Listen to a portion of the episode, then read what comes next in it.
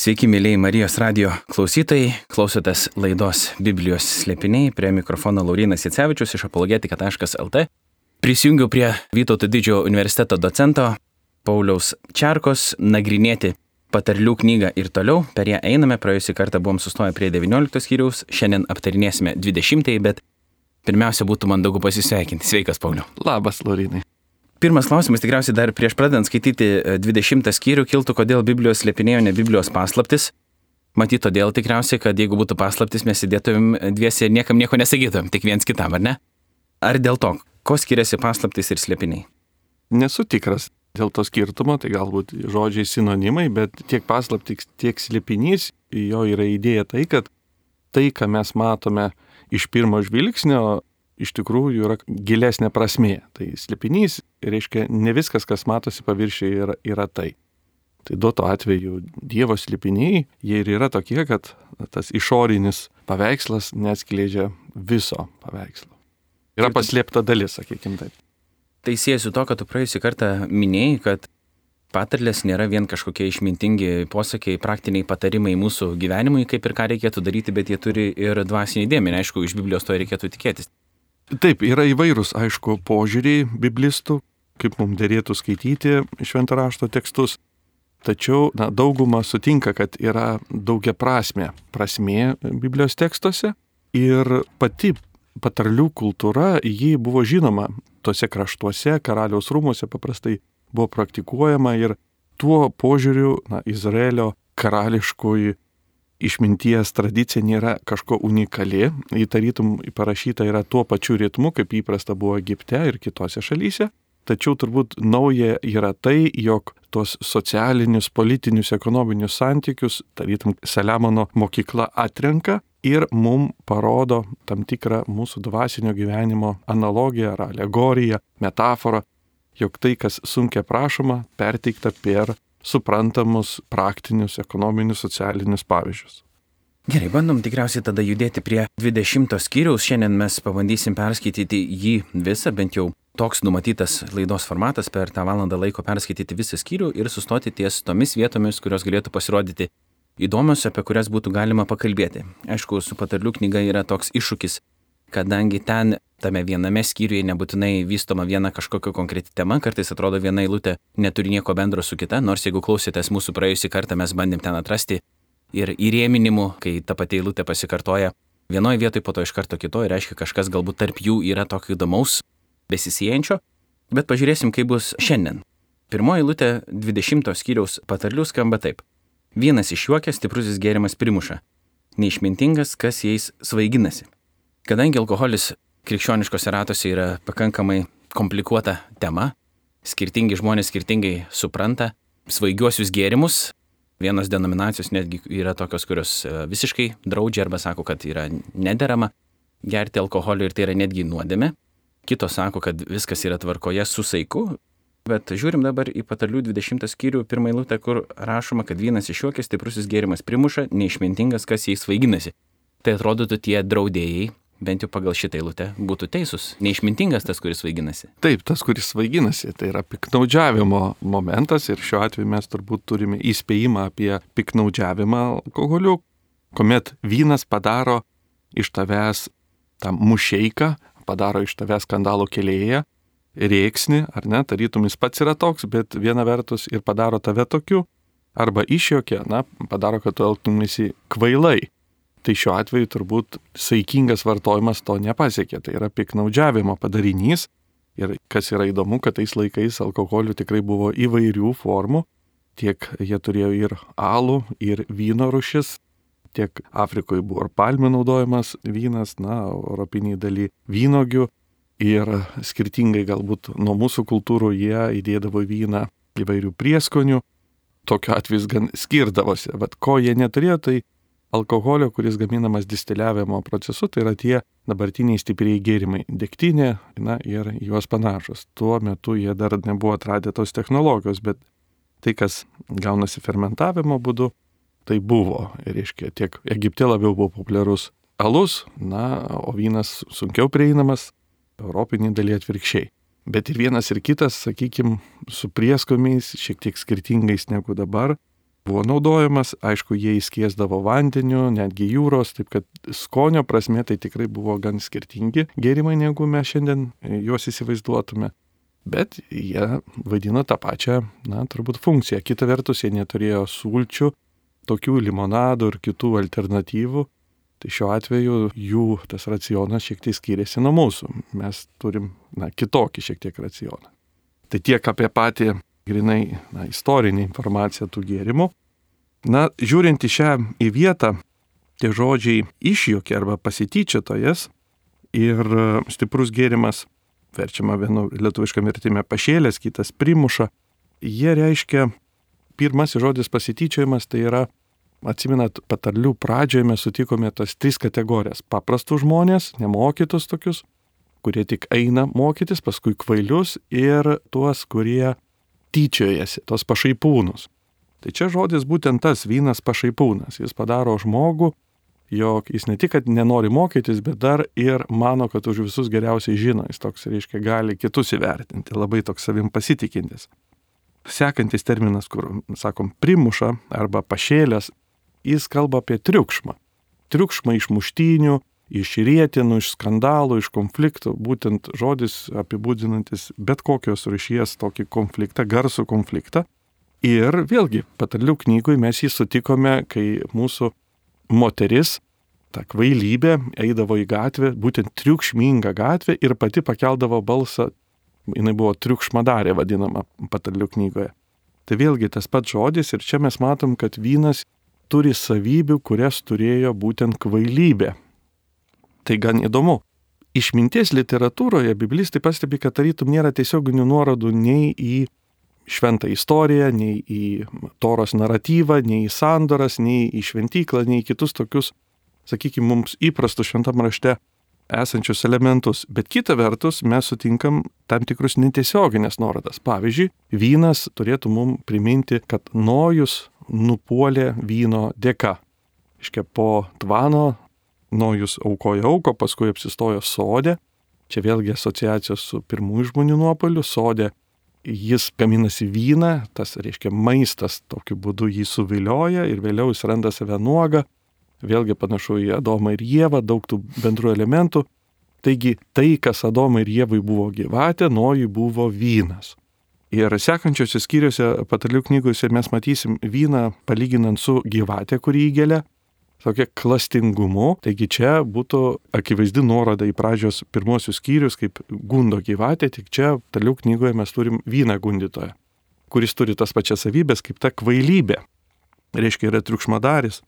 Ir paskui veda į klaidą apsvaigina. Na ir kas įdomu, kad iš tikrųjų prieš tai knygoje buvo įspėta, kad svaiginkis savo žmonos meilę, bet tegul svetim šalia tave nesvaigina. Ten tų dviejų moterų išminties ir kvailybės poveikis, tarytum vyrui kaip sutoktinės meilė. Tai iš čia mes sakytume, kad vynas viena vertus, be abejonės kalbam apie piknaudžiavimą alkoholį, bet kita vertus per tai turbūt paliečiama dar gilesnė tema, jog tas nuodėmingumas, pasaulietiškumas, tiksliau pasaulio tokia dvasia, akių kūno geismas ir gyvenimo puikybė, kaip papaštalas Jonas kalba, jinai būtų irgi kaip tos kvailybės sinonimas ir tuo pačiu tarytum kaip vyno poveikis, apsvaiginantis žmogų ir neleidžiantis jam pasirinkti teisingų kelių, vedantis į vidinę sumaištį, į tą vidinį triukšmą, nebėra vidinės ramybės, reiškia puikybės įdos ir kitos padeda triukšmaut. Mano galva, čia galima išverkti ir tokią alegoriją. Skaitom toliau. Karaliaus rūstybė tarsi liūto riaumojimas, kas jį supykdo, tas savo gyvastį stato į pavojų.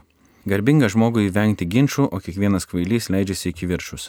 Sėjos metu tinginys neria, piučiai atėjusis ieško, bet nieko neranda. Žmogaus širdies užmojai gilus vandenis. Pratingas žmogus gali jų semtis. Daugelis laiko save geros valios žmonėmis, bet kas gali rasti žmogų tokį, kurio galėtum pasitikėti. Sustojom gal čia šitoj vietoj ir kiekvienos iltės mums nepavyks išnagrinėti, bet čia pakartojami tokie žodžiai kaip tinginys, išminčius, kvailys, kažkiek jau praėjusį kartą kalbėjom apie išmintingą ir, ir kvailą žmogų, bet galbūt dar norisi ką nors pridėti vėl. Nes ką tu kalbėjai, referuodamas į pirmą eilutę apie vėl tą išmintį ir kvailystę, ir kaip vynas su tuo siejasi, tai atrodo, kad tos pačios temos kartojasi ir toliau tik kitose kontekstuose. Taip, pritarčiau tau, Laurinai, ir kalbant apie tinkinystę, jinai labai daug atsikartojanti tema, nuolat mus įspėjanti, kad tam tikrų veiksmų netlikimas, apsileidimas, jis gali turėti labai liūdnų padarinių, tam tikros skurdo. Ir jeigu tai yra teisinga ekonominiam gyvenime, tai yra teisinga ir dvasiniam gyvenime. Jeigu žmogus pradės eiti krikščioniškų tikėjimo keliu, turi suvokti, kad ten reikės dirbti. Ir būtent sėjos metu tinginys neria, arti nėra malonu. Ypač kai yra šalta, linoja, būtent toks yra klimatas. Tada dera sėti, bet sėti tu turi prieš tai išarti ir būtent tas darbas dažnai gali atbaidyti. Kita vertus, paskui yra rezultatai, jų tu greit nebepakeisi. Tarytum, mes galim pagalvoti, kad žmogaus gyvenimo, na, tas paskutinis teismas yra kaip tas derlius, taip, ir ten mes rasim tai, ką pasėjam. O kad pasėtum, turi arti savo širdį, reiškia dirbti su savim.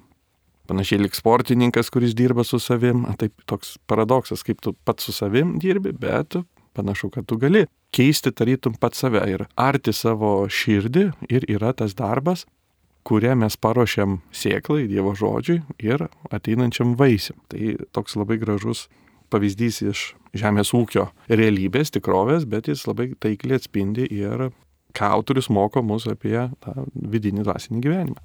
Ar šiandien šyla toks dabar paradoksas, ar netgi galbūt prieštaravimas, kai Mozė pristato izraeliečiams dešimt dievo įsakymų ir vienas yra apie šabą, apie viešpatės poilsį ir kad viešpats ilsėjosi ir mums dera ilsėtis. Taigi vėl, kaip čia reikėtų tai suprasti, tą darbo ir poilsio santyki. Po to Jėzus sako, mano jungas yra lengvas ir našta yra lengva ir kad ateikit pas mane, aš jūs atgaivinsiu, rasit poilsį manyje ir turim, atrodo, darbą, turim poilsį, dabar ar tai reikėtų suprasti taip visiškai pažodžiui, ar yra ten kažkoks gilesnis lygmuo, apie darbą jau tu paminėjai, kad yra ir kažkoks gilesnis lygmuo, bet atrodo mūsų visuomeniai, vakarų tokia užsisukusi pasaulio visuomeniai, kuri yra susitelkusi vien į efektyvumą, daug ko padaryti ir mūsų tapatybė labai priklauso nuo to, kiek mes daug ko padarom. Tas šabo toks poilsis, kuris žydų kultūrai, net ir sekuliariems žydams vis dar yra svarbus šabą paminėti, kaip sakyt, susilaikant nuo darbo, nuo kažkokios veiklos ar neatsitraukiant, sulėtinant tą tempą. Tai kaip šitos dalykus dabar reikia spręsti kitų biblinių vietų perspektyvai? Dievo įsakymas skamba šešias dienas dirbsi, septintalysėsis ten nėra tik apie polisį, ten yra ir apie darbą. Daugiau dirbsi negu jo. Šešis su vienu santykis yra šiuo atveju, bet Galbūt pati žemė, kuria yra dirbama, ji yra mm, dovana, duodama dovana ir mes netgi šitam skyriui matysim apie tą paveldą. Pats Izraelis juk žemė gavo iš Dievo dovanų ir be bejonės reiktų matyti ne vien tik tą darbą žemėje, bet ir patį principą, iš kurgi pati ta žemė yra. Tai tikrai yra malonės veikimas pačio žemės dovanos prasme, sėklos, jėgų ir išminties prasme. Bet e, čia yra skatinimas to, ką dera pridėti mums. Nes dažnai galbūt mes ir turim labai daug dovanų, iš Dievo rankų labai daug palaiminimų, bet galim pamiršti savo įnašą, kad dera mums vis tik pridėti tą ranką prie irklo, nesižvalgyti atgal, kaip Kristus sako, ir iš tikrųjų arti savo širdies dirvonus. Gerai, tikinai. Darbuojamės toliau su tekstu. Teisų žmogus elgesi dorai, laimingi jo vaikai gavę tokį paveldą. Kai karalius atsisėda į teismo sostą, jis gali išsijoti visą piktą savo akimis. Kas gali sakyti, nuvaliau savo širdį su švarus be nuodėmės. Dviejopais svaršiais ir dviejopais saikais abiejais bjaurisi viešpats. Savo veiksmais net jaunuolis parodo, ar jo elgesys sąžiningas ir doras. Čia trumpai pristojam, įsiveda dar vienas demuo prie to tinginio, kvailo ir išmintingo teisus žmogus ir gal konkrečiai šitą eilutę. Devinta, kas gali sakyti, nuvaliau savo širdį, esu švarus be nuodėmės, nes tas tyrumas, ritualinis tyrumas ir dvasinis tyrumas prieš viešpatį ir yra to teisaus žmogaus požymis, ar ne? Taip. Ir ši eilutė mus ragina sudvėjoti savo pačių teisumu. Tas sveikas, sveika dviejonė jinai yra reikalinga. Na, atsiminkim garsų į palyginimą, kuomet dviese tie šventika melstis, fariziejus ir muitininkas. Ir būtent fariziejus buvo ramus dėl savo nuodėmingumo. Jam beliko tik pasigirti savo teisumu jis kažkaip net neįtarė, kokioj prastoj būseno yra. Buvo ganėtinai save nuraminęs. Muitininko privalumas buvo tai, kad jis puikiai suvokė savo nuodėmingumą. Tai ir yra link ko kviečia mus šitas paraginimas, kas gali sakyti nuvaliau savo širdį. Jeigu mes nebusim tokie tikri dėl savo teisumo, mūsų maldos bus daug autentiškesnės, jos bus daug tikresnės ir jos bus panašesnės į tą muitininko maldą, kuris sako, pasigalėk manęs nusidėlio. Ir Jėzus baigė tą palyginimą sakydamas, šitas nuėjo nuteisintas, o ne anas. Taigi pamatymas savino dėmės yra kaip tik kelias į nuteisinimą, o ne atvirkščiai būdamas toks užtikrintumas, kad jau esu teisus, Kristus sako, ne anas nuėjo, reiškia, tai nėra kelias į nuteisinimą. Tai tam tikra abejonė savo teisumu yra labai neblogas vaistas, kuomet mes turime žiūrėti save. Kiti mus gali žiūrėti kitaip, bet pačiam į save reikia žiūrėti būtent tokių požiūrių. Jeigu negalvoji, kad sergi, tai ir neieškosi kaip tą lygą išgydyti kažkaip. Ir Jėzus sako, aš atėjau ne pas sveikuosius, bet pas ligonius ir jis atėjau gelbėti. O problema ta, kad ligoniai tai visi. Ir bet kai, kai kažkas galvoja, kad yra neligonis, tada yra bėda ir kaip minėjai, nuo to mums reikia saugotis. Ir čia prisiminiau vieną tokią istoriją, kurią girdėjau prieš porą dienų, kai buvo tokia teologinė srovė ir kai kurie žmonės jai pasidavė, manydami, kad kai šventoji dvasia jau ateina į žmogaus gyvenimą ir pradeda jame darbuotis, valyti visas tas širdies kerteles, Tai jeigu esi šventosios dvasios vedamas, remiantis kai kuriuom Biblijos eilutėm, gali nuspręsti, kad vis dėlto man yra įmanoma nebedaryti nuodėmio. Taip jau šventoji dvasia mane apsigyvena, nes, pavyzdžiui, Jėzus sako, būkite tokie tobuli, kaip mano tėvas danguje yra tobulas, tai vat, galbūt taip yra įmanoma ir kai kurie žmonės taip pagalvoja, taip ir laikėsi tokios supratimo, kad jau yra nebenuodėmingi, nes gali iš tikrųjų šventosios dvasios įgalinti nebedaryti tų nuodėmių. Ir vienas tokių žmonių atėjo pas žymų baptistų pamokslininką, Čarlzą Spurdžianą, ir pradėjom dėstyti, kaip jo teologija yra tokia, kaip dabar jau šventoje dvasioje jame gyvendama, įgalina jį nebedaryti nuodėmę ir jis jau kurį laiką jų nebedaro. Tai Spurdžino atsakymas buvo ištuštinti puoduką vandens jam ant galvos, sakė ir labai greitai pasirodė kaip sakyt, ta teologija praktikoje. Nebuvo labai patenkintas tas žmogus nenodėmingasis ir ta nuodėmė kažkaip prasiskverbė pakankamai greitai. Tai rodo, tokio nedidelio testuko užtenka patikrinti tą mūsų sveikatą dvasinę. Taip, panašių istorijų yra iš, iš dikumos tėvų ir vienuolių gyvenimo. Dažnai tie, kurie labai savim būna patenkinti, jau įveikia dvasinės aukštumas, užtenka tik tai kažkiek pajudinti jį ir prasiveržia tos aukštumas. Gerai, judam tada toliau. Ir girdinčią ausį ir matančią akį abi viešpats padarė. Nepamėg miego, kad netaptum skurdžiumi, laikyk plačiai atvertas akis ir turėsi ko valgyti. Nieko verta, nieko verta, sako pirkėjas ir nueidamas puikuojasi. Auks ir brangikmenių gausu, bet išmintingos lūpos brangiausias papuošalas. Paim drabužį laidavusio už atejūną ir pasilaikyk jį kaip užstatą, nes jis laidavo už svetim šalę. Mes per greit bėgam, Laurinai, žiūrėk, įveiksim greičiau negu laida viskas tvarkoja, bet jeigu tu radai vietą, už kurios tavo ausis ir akis užstrigo, tai mes galime apie ją pakalbėti. Kad ir apie tas dėrybas 14 eilutėje, nieko verta, nieko verta, pažodžiui būtų tai blogai, tai blogai, tai bloga. Iš tikrųjų, tas žodis hebrajiškas bloga, jis gali reikšti prastą, netikę, na, gali reikšti ir blogą, sugedusi dalyką, tai iš tikrųjų tai yra tarytum dėrybinė kalba. Mes gal neturim tokios kaip e, rytuose dėrybų kultūros, kad kiekvieną dalyką perkant dera dėrėtis, tai pridera. Nesidėrėti būtų nemandangu, prašomas nuolaidos, ieškomos priekabos ir pardavėjas netgi geranoriškai, tarytum geranoriškai nuleidžia. Kaip tau, Laurinai, ar tu esi geras dėrybininkas? Ar prieš, gali mus pamokyti? Prieš laidą pasakau, kad labai esu prastas dėrybininkas.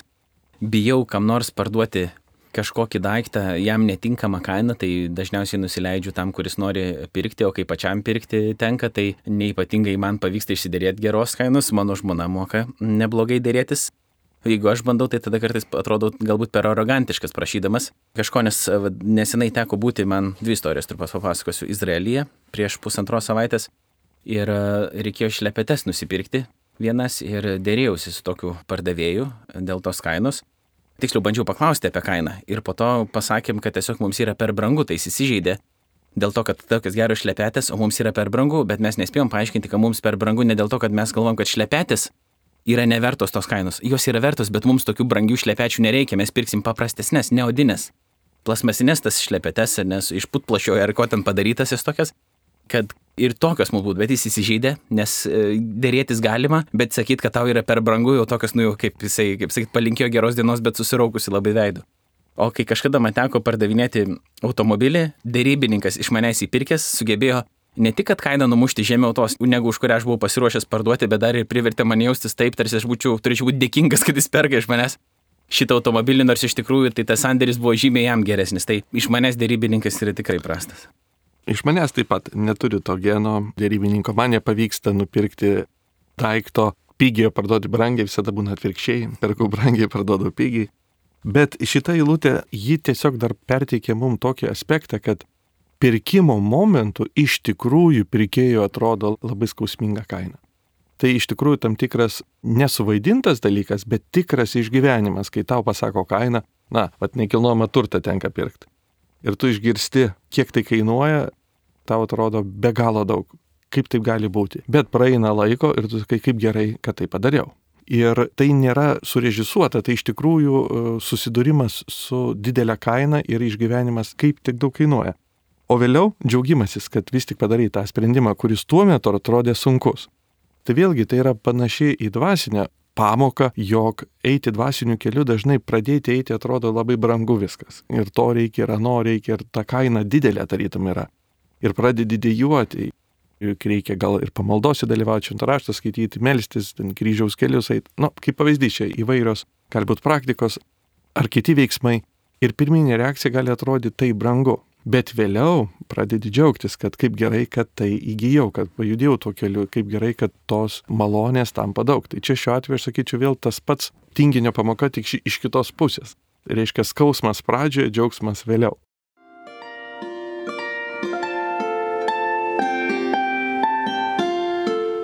Jūs girdite Marijos radiją.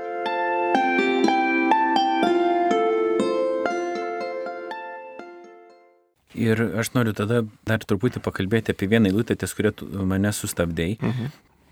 Paimk drabužį laidavusio už atejūną ir pasilaikyk jį kaip užstatą, nes jis laidavo už svetim šalę. Nuoširdžiai nieko nesupratau čia.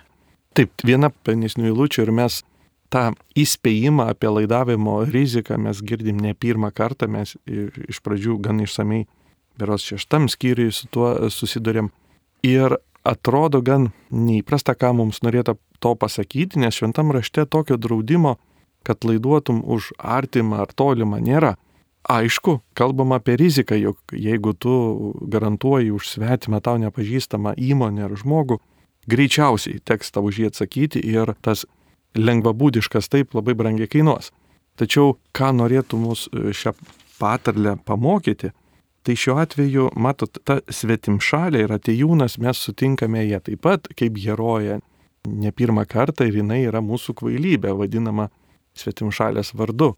Tai kažkuria prasme to netikėjimo kultūra, pavadinkime, ar to pasaulio, kuri apibriežti reikėtų sistema be Dievo kultūra ir jeigu tu su ją susitapatini, tu už ją laiduoji ir nepasipriešini ne, savo mąstymo, savo požiūrio, tai rizikuoji, na, galima pasakyti, savimi, savo sielą. Tai gali tau labai brangiai kainuoti, nes, na, tie dalykai yra svetimi, nepatikimi, jie skolingi Dievui, ar ne? Tas svetimšalis turi skolą, ją teks gražintis, nepajėgs to gražinti.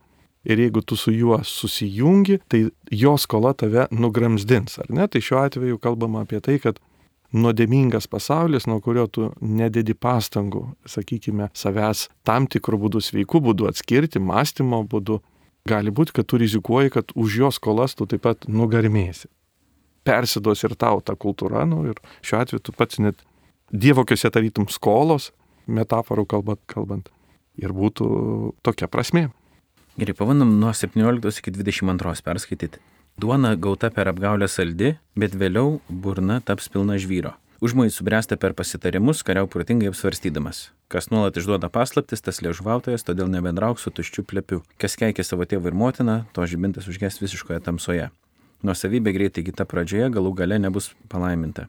Nesakyk, aš atsilyginsiu už piktą, pasitikėk viešpačiu ir jis tau padės noriu nuo paskutinės perskaitos eilutės pradėti dabar, e, nes čia mes esame raginami ne tik nesakyti tikriausiai aš atsilyginsiu už piktą, bet ir neatsilyginti už piktą, net tokių jausmų nepuoselėti.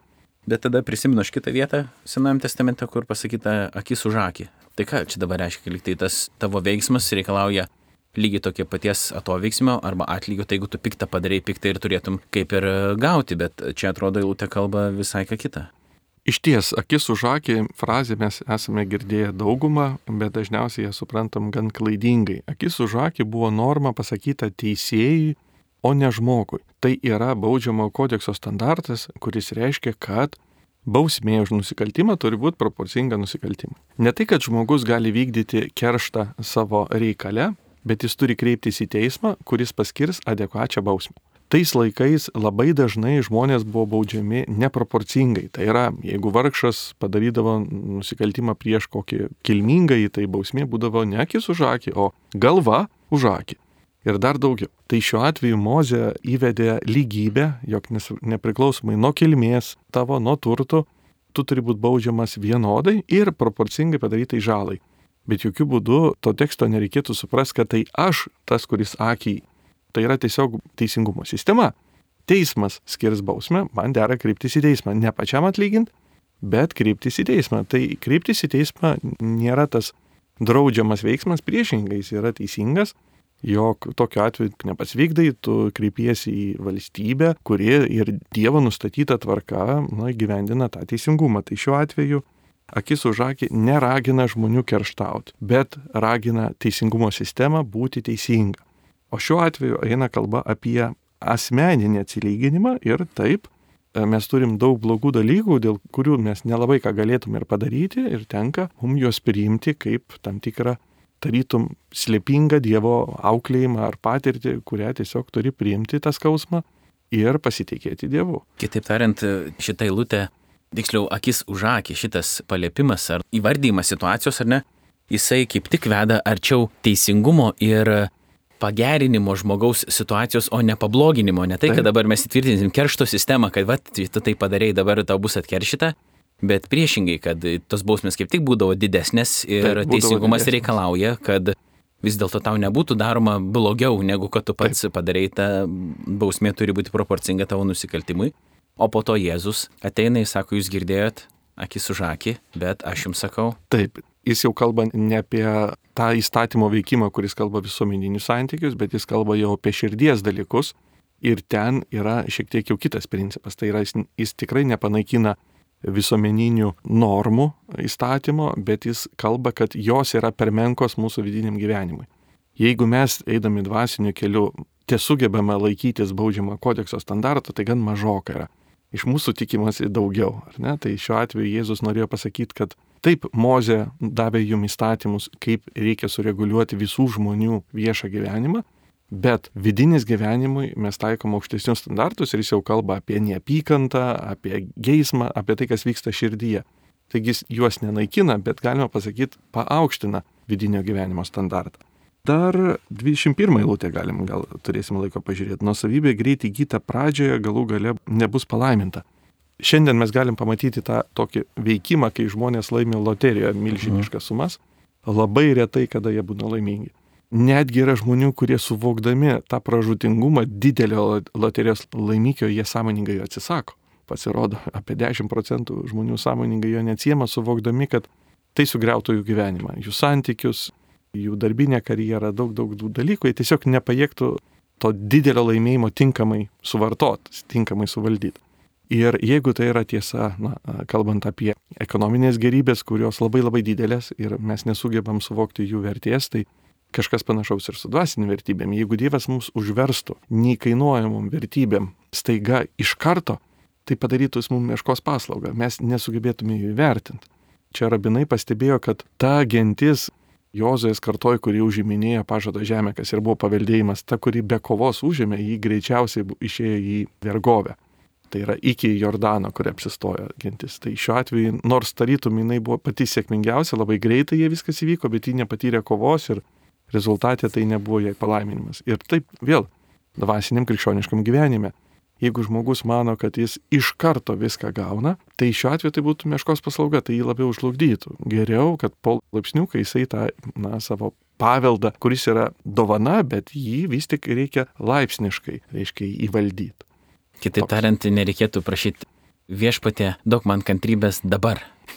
kad ta kantrybė išugdyta iš tikrųjų tada duoda ir turi tam tikrų vaisių ir yra vertinama tam tikrą kelią nuėjus, o su iš karto turima kažkokia vertybė, kaip minėjai, mes net nežinotum, kaip elgtis. Ir tiek loterijų, tiek kitų pavyzdžių, čia nesenai buvo toks krepšinio pasaulyje nuskambėjo, kadangi tenka man vis tiek jo domėtis. Vienas iš NBA žaidėjų, nesakysiu jo vardo, bet e, žvaigždžių, jaunų žvaigždžių, tikrai daug pinigų uždirbantis e, žmogus. Ten mums yra nesuvokiami iš tikrųjų pinigai, tikriausiai kiek jie uždirba, bet e, dabar jis yra suspenduotas, 20 keli metai, man atrodo, jam yra, dėl to, kad į viešumą paplito vaizdo įrašai ir nuotraukos, kaip jis striptizo klube privačiai nusisamdė striptizo šokėjas ir visos grindys buvo išklotos tikrais pinigais. Atrodo, žmonėms kaip tik klausė, ar jie tikri ar ne, bet buvo išklota apie 50 tūkstančių dolerių. Tiesiog ant žemės išmesti tie pinigai. Ir jis, kaip sakyti, mėgavosi tą patirtimį ir dabar yra suspenduotas dėl to, kad taip klubas nenorėtų, kad jo įvaizdis būtų formuojamas, sakykim, kad ir tokios žvaigždės jis dabar turės laukti, kol galės vėl grįžti ir tai. Na tai irgi atrodo tas toksai greiti pinigai, susuka galvą, ypatingai nežinant, kaip su jais reikia elgtis, kad atrodo tokie neadekvatų sprendimai ne, yra daromi. Ir, pažiūrėjau, net NBA žaidžia nacionalinį krepšinio asociacijai, geriausių krepšinio lygų pasaulyje, daro mokymus jauniem krepšininkam, kaip tvarkytis su pinigais, nes, pavyzdžiui, atėję iš mokyklos, iš universiteto, pavyzdžiui, kai kurie, kurie negali gauti atlyginimo oficialiai, bent jau Amerikoje universitete, jie ateina į MBA, kur, pavyzdžiui, gali uždirbti jau milijoną, ten minimali gal suma yra virš milijono, man atrodo, per metus, kiek jie gali uždirbti, jie iš karto gauna tokius pinigus, o po to jau gali gauti ir dešimtį milijonų, ar ne, tai tiesiog susuka galvą ir pat tik tais patvirtina tą principą, kurį tu ką tik paminėjai. Gerai, kad spėtumėm toliau tada skaitom nuo 23 eilutės, skirtingi svaršiai pasibėjo retinį viešpačių, nesažiningos svarstyklės yra negeros. Viešpats vedavo žmogaus žingsnius, tad kaip žmogus gali suvokti savo kelią. Įkliusis pastus tas, kas neapgalvotai sako pašventinta, paskui ima gailėtis davęs tokį įžadą. Viena eilutė čia man nustringa. 24 ypatingai. Viešpats vedavo žmogus žingsnius, tad kaip žmogus gali suvokti savo kelią. Nu, atrodytų, aš pats einu to keliu, kaip viešpats mane veda. Arba jeigu viešpats mane veda, tai kiekvienas mano sprendimas, tada gyvenimo pasirinkimas iš tikrųjų yra viešpatės vedimas. Ir net kaip aš galiu būti kaltinamas, pavyzdžiui, už neteisingus pasirinkimus, ar už nuodėmės, ar už dar ką nors. Dievo vedimas nepanaikina mūsų laisvos valios, tačiau jo vedimas nėra mums aiškus mes negalime jo vat, suprasti, kaip jis vyksta. Geriausiu atveju dažniausiai žmonės išvelgia Dievo vedimą pažiūrėję atgal. Bent jau pažiūrėję ilgą savo gyvenimo distanciją, dažnai mes sakom, a, dabar suprantu kažkurios dalykus, kai kurios dalykus įvertinu, na ir bent jau išvelgiu apvaizdos veikimą. Tačiau ją pamatyti čia ir dabar, na praktiškai beveik yra neįmanoma, Geriausiu atveju mes galim tik tikėjimu priimti, kad tikrai Dievo apvaizda veikia ir jį mus globoja. Tai Dievo vedimas tikrai nepanaikina žmogaus valios, tačiau Dievas veikia taip, kad net žmogaus valia nepanaikina jo vedimo. Ir čia galima gal prisiminti garsėje Juozapo istoriją, kuomet Juozapas susapnavo sapną apie tai, kad jam yra skirta būti vadovu brolių tarpe. Broliams papasakoja, jie sureaguoja į tą sapną labai piktai, pavydžiai, nusprendžia jį na, iš pradžių nužudyti, vėliau parduoda į vergovę tam, kad niekada nesipildytų jo sapnas. Kitaip tariant, jie padaro viską, kad tai, ką Juozapas sapnavo apie savo ateitį, nevyktų. Tačiau kaip tik per jų kova su tuo sapnu ir įvyksta sapnas, jis pakliūna į Egiptą, kalėjime susipažįsta su reikiamam žmonėms, kurie įsuveda su faraonu ir ten pastebima yra jo aiškiregystės dovana ir taip jis tampa tuo, kuo sapniai save matė. Tai tarytum žmogaus kova su Dievo vedimu kaip tik ir buvo Dievo panaudota, kad įvykdytų tai, ką Dievas buvo suplanavęs. Na, čia ir Jokūbo istoriją galima kalbėti laiko tik stoka. Ir mes matom, kad Dievo veikimas netima iš mūsų laisvos valios, bet ir dar įdomiau, mūsų laisva valia, laisvi sprendimai nesutrukdo Dievo apvaizdos veikimui. 23 eilutė kalba skirtingi svaršiai pasibiurėtinių viešpačių, nesažiningos svarstyklės yra negeros. Toks jausmas liktai būtų jau tai girdėta kažkur, liktai tam pačiam skyriui jau sakyta tas ir dar anksčiau. Gerai, pasakyta vieną kartą, ką mums čia dabar skaityti, vieną, antrą, trečią kartą. Tai tenka priminti, taip. Tai ko tada svaršiai tokie jau svarbus yra viešpačiui arba kodėl taip daug kartų jie yra kartuojami? Ar tai reiškia, kad buvo tokia problema reali, Ar čia yra ir dvasinė plotmė, arba ne. čia yra ir tas ir tas? Problema buvo ir tais ir šiais laikais. Galbūt dabar tos svarstyklės jau veikia kitaip, bet aš dar vaikystėje pamenu iš tikrųjų svaršiais paremtas svarstyklės. Ir ten buvo kontrolinis toks, sakykime, būdas, bet iš tikrųjų pragrėždavo tos svaršius, įdėdavo ten kažką tai kitą, pripildydavo iš tikrųjų labai dažnai. Na, žmonės kalbėdavo, kad negalima pasitikėti tais svaršiais. Idėja yra tai, kad tai yra paprastas būtinis ekonominis gyvenimas tu perki turguje daržovių ar, ar kažkokiu tai kitų dalykų, atrodo labai nereikšmingas, nejaugi Dievui tai rūpi. Nejaugi Dievui rūpi, kaip ten turguje vyksta, ar mes ten permokėm kažką, ar mums neteisingai apskaičiavo, ar netik įdėjo, tarytum Dievui rūpi tik tai gal šventyklos gyvenimas, o turgus, na, toks nelabai švarus dalykas ir, na, nėra ten Dievo, bet vat, pirmas niuansas yra tai, kad Dievas kalba apie tos dalykus daug svarbiau negu tarytum apie aukas. Kad tie būtiniai ekonominiai dalykai, mūsų tarpusavio santykiai, apgaudinėjimas pasirodo Dievui yra svarbesnis negu religinis gyvenimas. Tai va čia pirmoji išvada. Na, antroji išvada yra tai, kad pats svarstis Dievui nepatinka, ant kurio užrašytas netinkamas svoris. Tai tam tikra veidmainystės forma. Kai tu deklaruoji vieną savo svorį, o iš tikrųjų esi kitas. Na ir Naujam testamente fariziejai yra tie netikri svaršiai ir jų dvasingumas yra netikri svaršiai. Tai čia šiuo atveju galim pasisemti turbūt dviejų dalykų. Pirma, kad Dievui rūpi mūsų kasdieninis gyvenimas, jis vertina jį. Ir antra, kad mes patys turim būti tie teisingi svaršiai, tai yra tai, ko mes deklaruojam, turi būti mūsų viduje. Yra trečia išvada dar. Namie esančios svarstyklės akivaizdžiai rodo neteisingą svorį, nes vis laik man rodo per daug. Tiek neturėtų būti.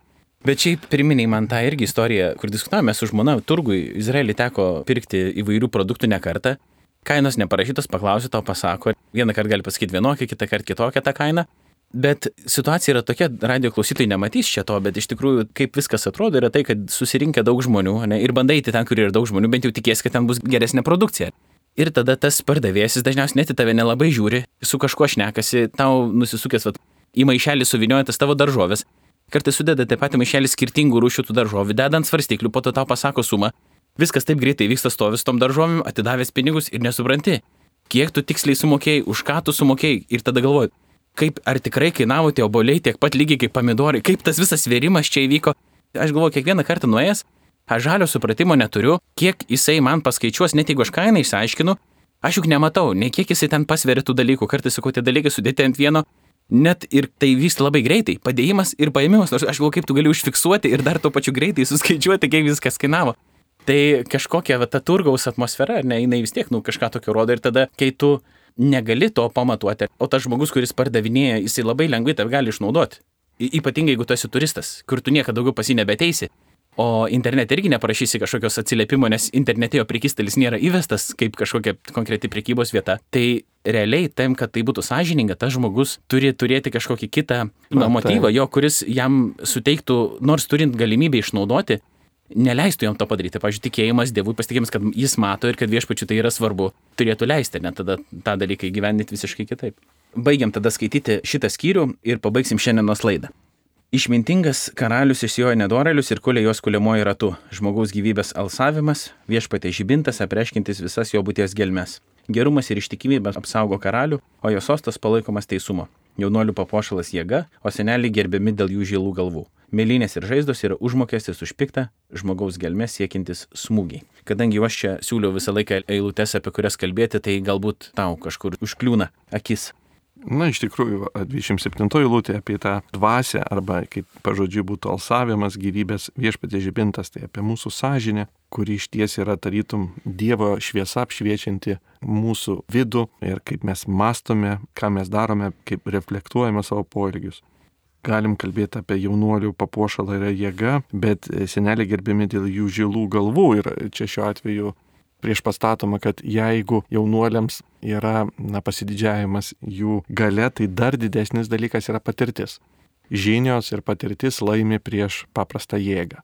Taip ir yra ir šiuo atveju, nors jau seneliai nebeturi tos jėgos, jie turi kažką daugiau, jie turi patirtį ir žinias. Na ir paskutinė eilutė yra tokia kartais mums netikėta, jog mėlynės ir žaizdos yra užmokestis už piktą, bet čia jos yra, čia vienas iš galimų vertimų, kitas sako, kad jomis yra apvaloma nuo piktą. Reiškia, tai yra žmogus daro pokyčius ir tam tikras skausmas reikalingas mums palikti piktą. Nebūtinai tai yra bausmė, tai gali būti disciplina, bet skausmas reikalingas atsisveikinti su tam tikrom praktikom, kurios gal yra mielas. Nes skausmo gydanti jėga, ne, nuo, nuo įdų yra reikalinga. Kartais mes to nenorim žinoti, nenorim girdėti, bet kartais tikrai tik patyrę savo gyvenimu kažkokius padarinius, ar ekonominiam gyvenime, ar, ar socialiniam, mes padarom galutinai išvadas ir apsisprendžiam priimti rimtus sprendimus. Ačiū Pauliau. Dėkuoju visiems, kurie buvote šiandien su mumis. Kitą kartą tęsime patarlių skaitimą. Skaitysime 21 skyrių ir vilėmės, kad skaitydami kartu, kai jūs prie mūsų prisijungėte, tai lygiai taip pat mes ir patys, liesdamėsi prie išminties literatūros, bent truputį tampame ir patys išmintingesni. Ir tai kažkaip pasireiškia mūsų gyvenimo praktikoje, kad nebūtumėm prilyginti tiem kvailiam ir tinginiam, bet iš tikrųjų išmintingiam, kurie rūpinasi savo dvasinę sveikatą ir yra teisūs prieš viešpatį, suprasdami savo pačių neteisumą. Dar kartą dėkoju visiems, iki kito pasimatymo su Dievu. Sudėv.